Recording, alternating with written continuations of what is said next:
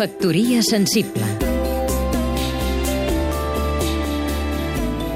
Maria Mercè Roca, escriptora Temps de flors a Girona, èxit total, com sempre, o potser més i tot. Des de fa quatre convocatòries, del cartell que l'anuncia se n'encarreguen alumnes de l'Institut Santiago Sobrequés que estudien batxillerat artístic. Són joves de 16 anys que, si guanyen el concurs de l'institut, veuen el seu treball reproduït infinitament en banderoles, programes de mà, premsa, cartells... Jo me'ls imagino caminant pel carrer eufòrics, a sota les banderoles amb el seu disseny, pensant per força que la vida és molt maca. La noia que ha fet el cartell d'enguany, la Sandra Castillejos, ha jugat bé amb els colors i l'espai. La seva idea és efectiva i simple. És la silueta d'una noia amb un bufa bombolles del qual surt una pluja de flors i la realització és bona.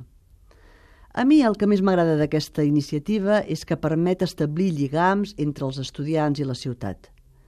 Curiosament, són uns lligams, una relació, que a mesura que els escolars creixen es van fent petits, fins a arribar al punt que els lligams dels estudiants de la Universitat de Girona amb la ciutat em sembla que són quasi inexistents.